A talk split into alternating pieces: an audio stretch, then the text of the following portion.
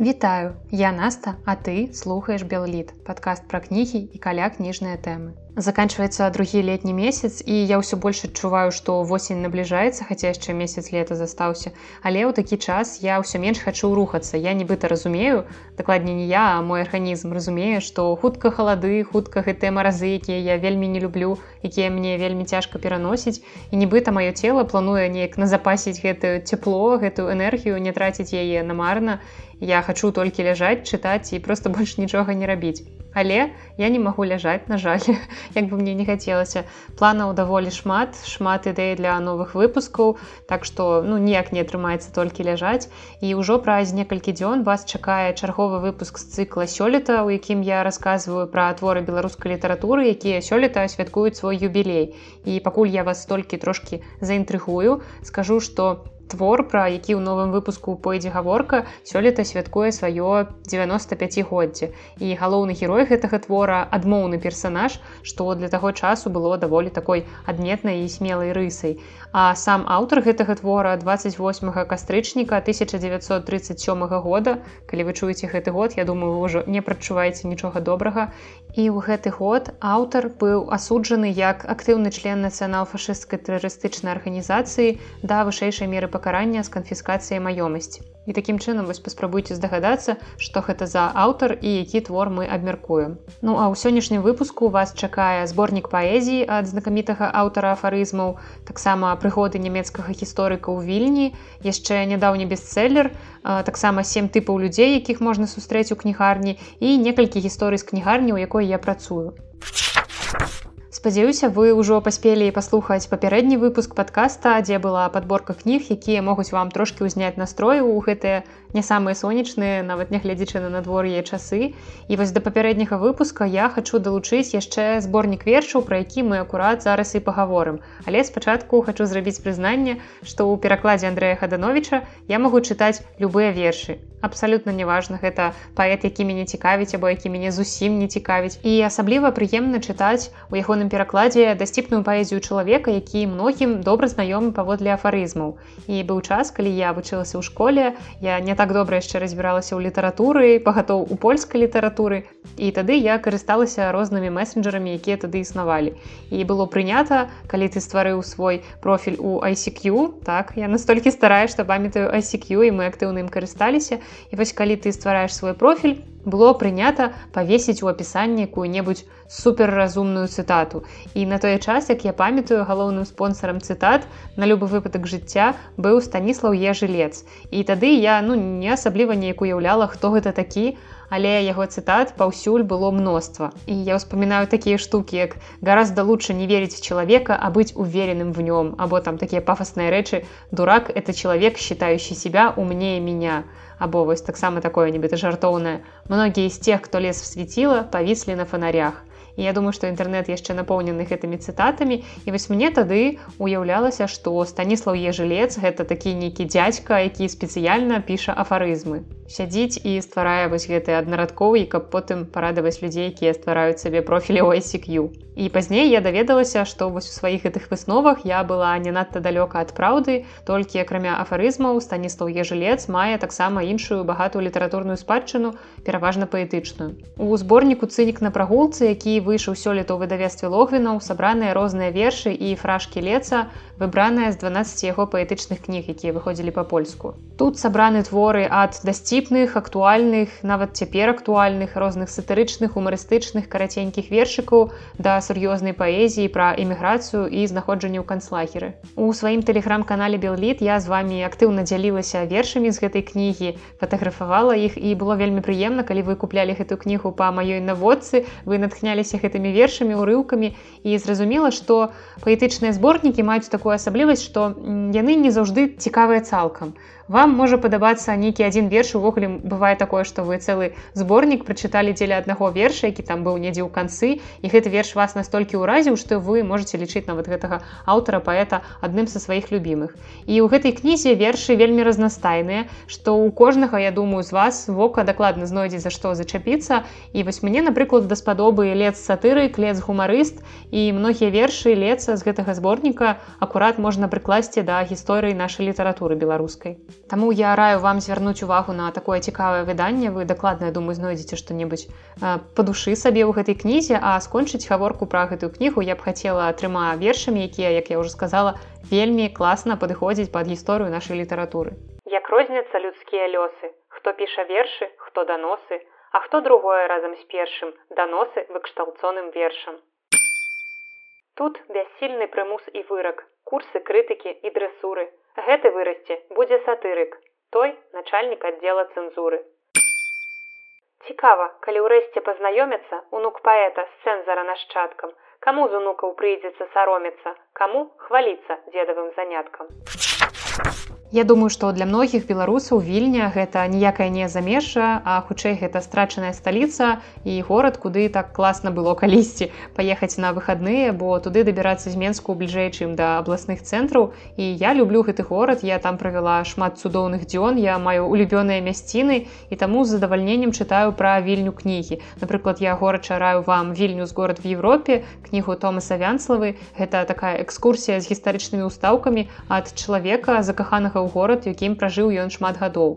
Ну а кніга нямецкага гісторыка і гарадскога антраполага Фелікса Акермана аўташкола па віленску зацікавіла мяне не толькі наяўнасцю ў ёй вільні, але і згадкамі пра Беларусь і пра беларусу. І трэба сказаць, што Фелікс не раз быў у нашым рэгіёне. Ён нават пісаў пра гісторыю горадні два стагоддзя. У 2011 годзе ён апублікаваў па-нямецку кнігу палімсэст гродна і яшчэ адзін плюсік аўтару ён валодае беларускай мовай. І дарэчы забягаючы наперад у гэтай кнізе ён акурат папракае беларускіх студэнтаў егу за тое што яны неахвотна там карысталіся роднай мовай. Кніга выйшла летась у выдавецтве лохвінаў і з нямецкай мовы яе пераклала алена талапіла. Ну а фелікс акерман нарадзіўся і вырас у берерліне але ён стаў акадэмічным вандроўнікам. Навукова і выкладчыцкая дзейнасць яго закідвала ў розныя еўрапейскія краіны. І такім чынам у 2011 годзе ён разам з сям'ёй пераехаў у вільню куды яго запрасілі працаваць у еўрапейскім гуманітарным універсітэце. Нам беларусам гэтая навучальная установа даволі добра вядомая бо была заснаваная яна і месцілася ў менску з 1998 года. Праўда у 2004 годзе ёй давялося пераехаць у вільню паколькі беларускія ўлады вырашылі забараніць дзейнасць гэтай установы. І менавіта гэтаму універсітэту яго дзейнасці ягоным вартасцям недахопам прысвечана вялікая частка кнігі. І скажу шчыра што для мяне гэтая частка была найменш цікавай. Паколькі я ў еху не вучылася то я дзейнасцю яго найглыбока ніколі не цікавілася. Э, да мяне часам вось ад знаёмых студэнтаў даляталі нейкія чуткі плёткі пра ўсе гэтыя скандальныя гісторыі але я на іх ніколі не звяртала ўвагі. І думаю што тым хто ў ігу вучыўся і вось гэтыя ўсе ўнутраныя адміністрацыйныя канфлікты заспеў тым ну я думаю даволі цікава будзе пачытаць кнігу акермана каб неяк параўнаць з уласнымі ўражаннямі з адчуваннямі. А для мяне ж гэта была ну далёка не самая важная частка кнігі А вось што я ацаніла сапраўды дык гэта бытавую частку якая была звязаная з жыццём фелікса ў вільні Ён пэўны час жыў у горадзе адзін, каб неяк падрыхтаваць пераезд жонкі дзяцей і ён здымаў пакойчык у алдоны 86гадовай актрысы, якая была ўдавой заслужанага артыста літоўскай ССР.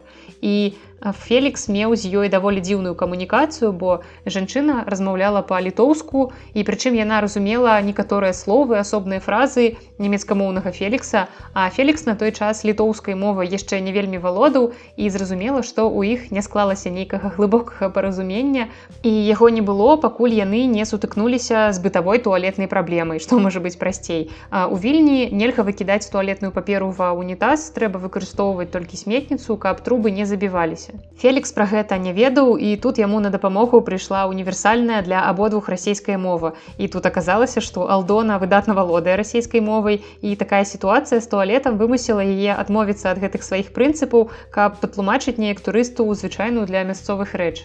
Спонтанна я паспрабаваў а может по-рускі алдона подціснула вусны зморшчыла лоб і неахвотна адказала ну если уже совсем надо Думаю, што і вы таксама сутыкаліся з падобным у літве, калі мясцовыя проста рабілі выгляд, нібыта яны не валодаюць расійскай і калі моладзь сапраўды яна лепш ведае ангельскую, то старэйшае пакаленне расійскую мову вучыла ў школе і ну проста не можа яе не ведаць.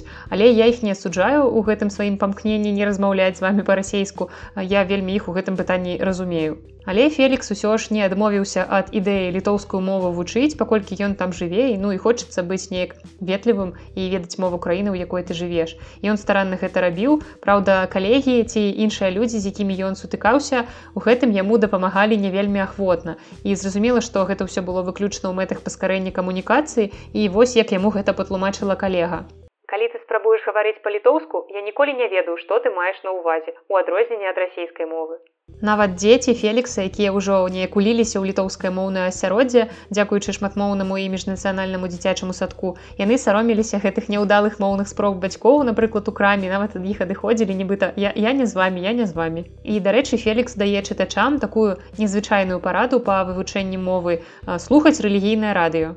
Прычым не з нейкімі там духоўнымі мэтамі, а чыста з практычнымі. Вось Фелікс адзначаў. Плюсы перадаванага па радыё фундаментальнага каталіцызму заключаліся ў тым, што малітвы вымаўляліся вельмі выразна і ва ўсіх краінах мелі амаль ідэнтычны змест.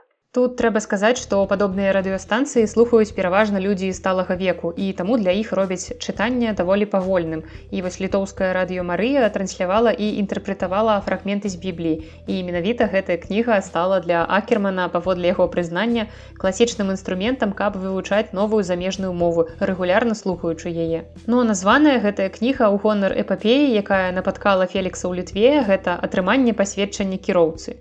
Я думаю, у любой краіне гэта не самая прыемная, не самая хуткая аперацыя. І для Фелікса аўтамабіль быў не раскошай, а сродкам перасоўвання, бо калі ў цябе трое дзяцей і такая даволі актыўная праца, ты просто вымушаны сесці за стырно калі вы прачытаеце гэтую кнігу то зможаце даведацца ці скончылася гэтая эпапея для фелікса паспяхова ці не скончылася таксама ў гэтай кнізе шмат назіранняў пра жыццё літоўцаў пра людзей іншых нацыянальнасцяў якіх ён сустракаў. Напрыклад мяне павесяліла наступнае назіранне якое вельмі яднае менск і вільню Самым заўважным доказам таго, што вільня таксама ёсць горадам мігрантаў з вёскі, можна назваць доўгія выходныя, у якія горад пусцее, бо амаль усе паехалі ў дамы сваіх продкаў. І ў нас, дарэчы, ёсць жарт, калі паркоўкі ў дварах на выхадных ці на святы пусцеюць і горад нібыта вымірае, то кажуць, што карэнныя менчукі па дамах раз'ехаліся. Такім чынам, калі вас мала цікавіць, як і мяне як уладкавана навучанне ў еўрапейскім гуманітарным універсітэце, то гэтыя старонкі вы проста можете прагортваць. У кнізе я вас упэўніваю знойдуцца іншыя больш цікавыя рэчы. Напрыклад, жыццё вандроўнага навукоўца ў нашай частцы Еўропы апісанае з даволі добрым пачуццём гумару.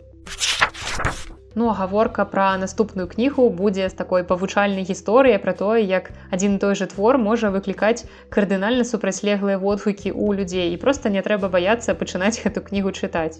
Бо нехта крычыць, што гэта геніяльна, гэта проста новае слово ў дэтэктыўным жанры, а нехта верыць кожнаму слову, якое напісаў аўтар і не разумею, што гэта проста мастацкая выдумка.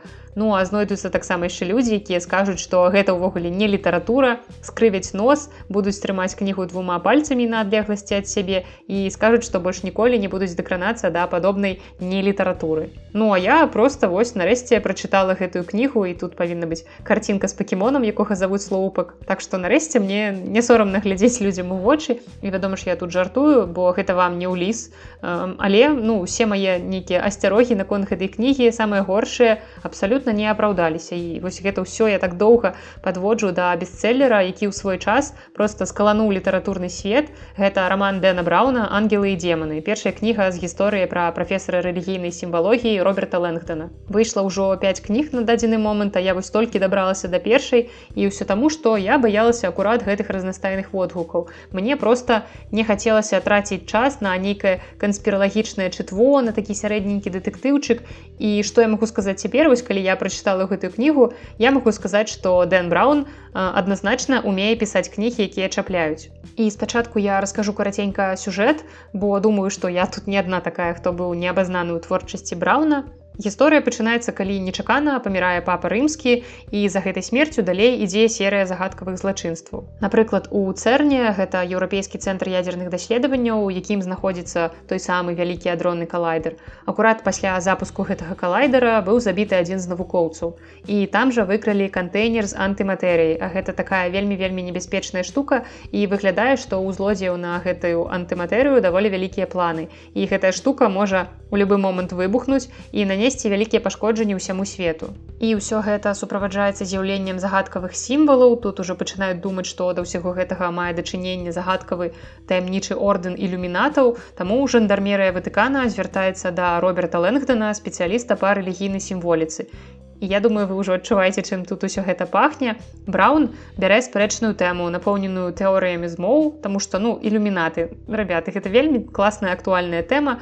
І вы ведаеце з папярэдніх выпускаў што я гэтую тэму люблю. Я цікаўлюся ўвогуле тым што прымушае людзей верыць ва ўсю гэтую э, дзіч скажем так Браун кідае сваіх герояў у максімальна безвыходныя сітуацыі ён прымушае ім суперажываць і я думаю што класічнай літаратурай зразумела гэтая кніга не стане яна не пройдзе праверку часам але для аднаразовага задавальнення тут і цяпер чаму б не. Таму што калі вы не верыце ва ўсе гэтыя змовы у розныя таемныя таварыствы то чытаць вам гэту кнігу будзе абсалютна нармальна Хаця безумоўна кніга можа быць шкоднай для даверлівых людзей якія пасля прачытання пачнуць увогуле ў кожным мінаку бачыць ілюміната. Але думаю што яны і без кнігі гэта ў прынцыпе рабілі там кніга ніяк ім не зашкодзіць. Браун вельмі падрабязна раскрывае тэму раскрывае персонажаў Але ж ён маніпулюе чытачамі самымі банальнымі спосабамі. Напрыклад, мы чакаем любоўную лінію паміж галоўнымі героямі. раптам там нечакана змяняюцца зладзеі. таксама Браўн выбірае тэму, якая дакладна выкліча гарачыя спрэчкі, бо ну пагодзімся, што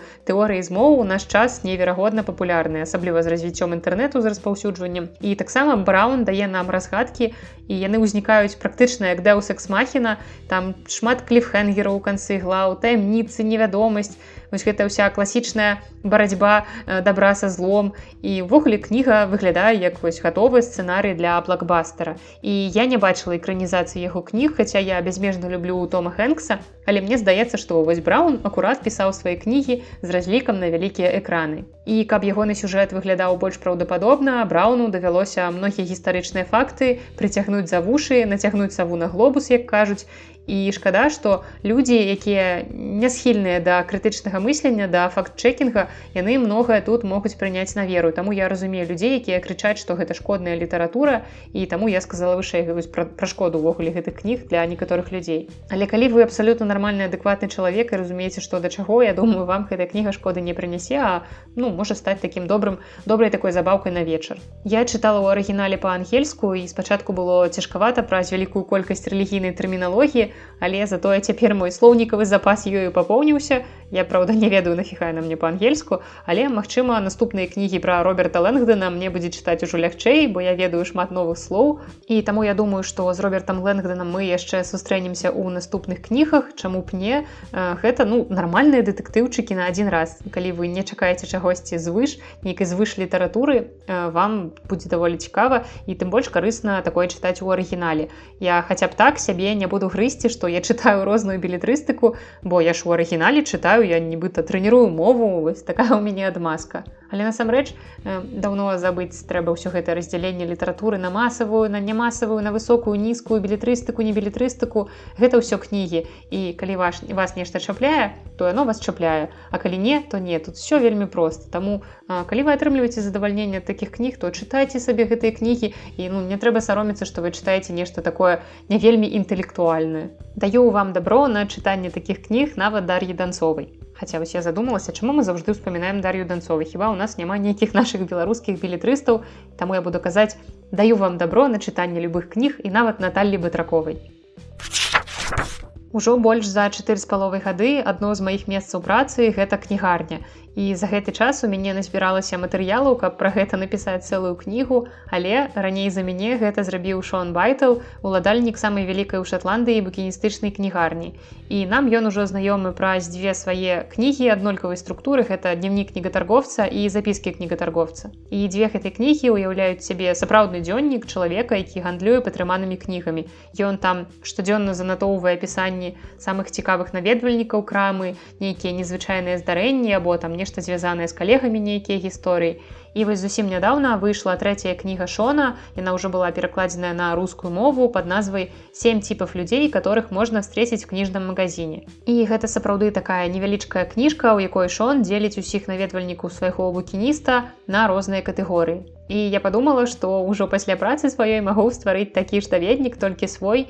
І вядома, што ў кожнай краіне ёсць свае асаблівасці нават сярод наведвальнікаў кнігарні, Але ў цэлым я думаю, можна вылучыць некалькі тыпаў людзей у кнігарнях, якіх, як мне здаецца, вы можете сустрэць хоць у Шатландыі, хоць у Беларусі, хоць у Венгрыі, хоць у Грузіі, дзе заўгодна. Напрыклад, вось такая катэгорыя, якую я назову старпёр крыху абразліва але гэта такі прадстаўнік старэйшага пакалення які прыходзіць у кнігарню і ён перакананы ў тым што сёння моладзь зусім нічога не чытае. Яшчэ адна катэгорыя гэта той хто спачувае. Гэта чалавек які прыходзіць у кнігарню асабліва ў нейкую невялікую незалежную кнігарню. Ён распытвае пра тое як вось нам маленькім кнігарням цяпер жывецца. Ён разглядае кнігі рассыпаецца ў кампліментах пра тое якая у нас тут утульная атмасфера неверагодна крутая кнігарня.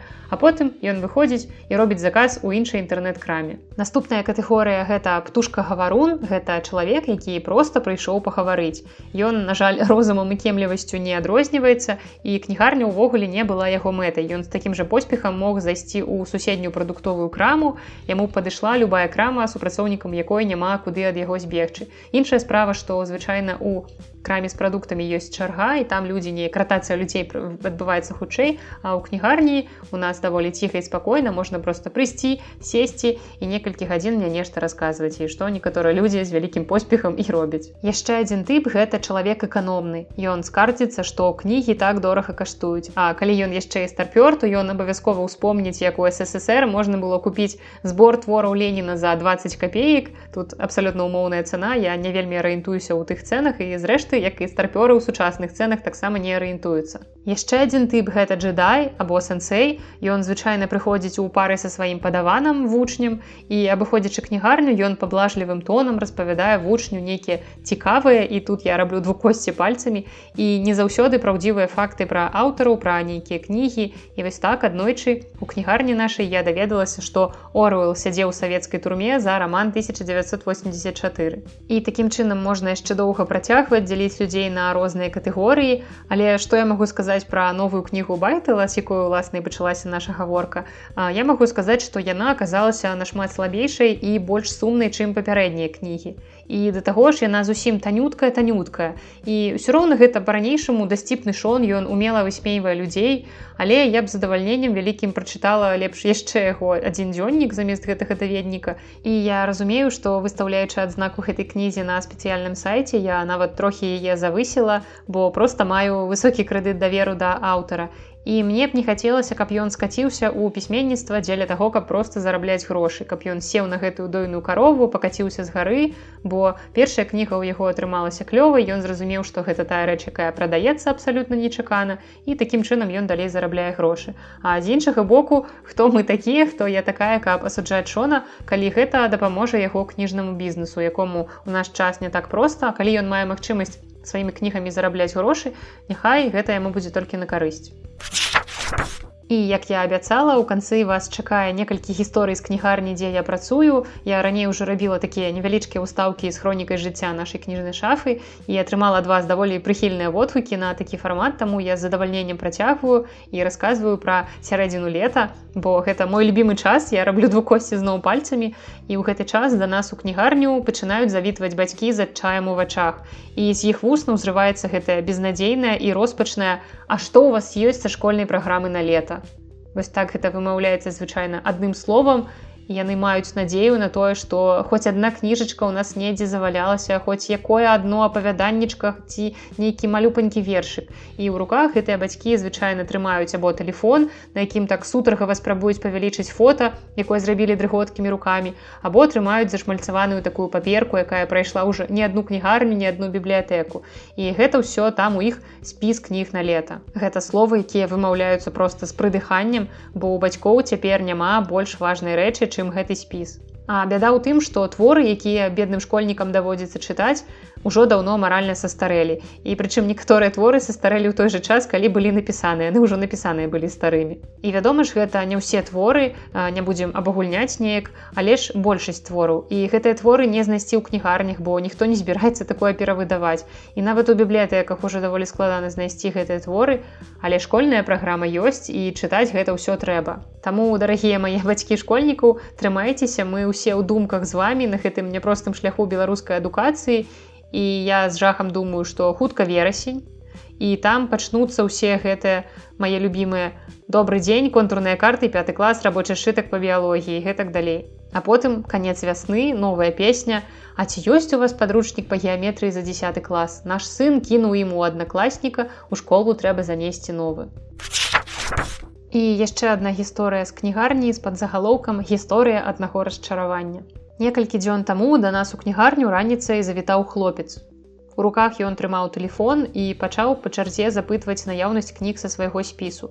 Там былі пераважна ўсе гэтыя модненькія кнігі, псіхалогія, самаразвіццё, інфацыганства і бла-бла-бла. Ён называў кнігу, я адказвала, што такое ў нас няма, ён называў наступную, зноў няма і гэтак далей.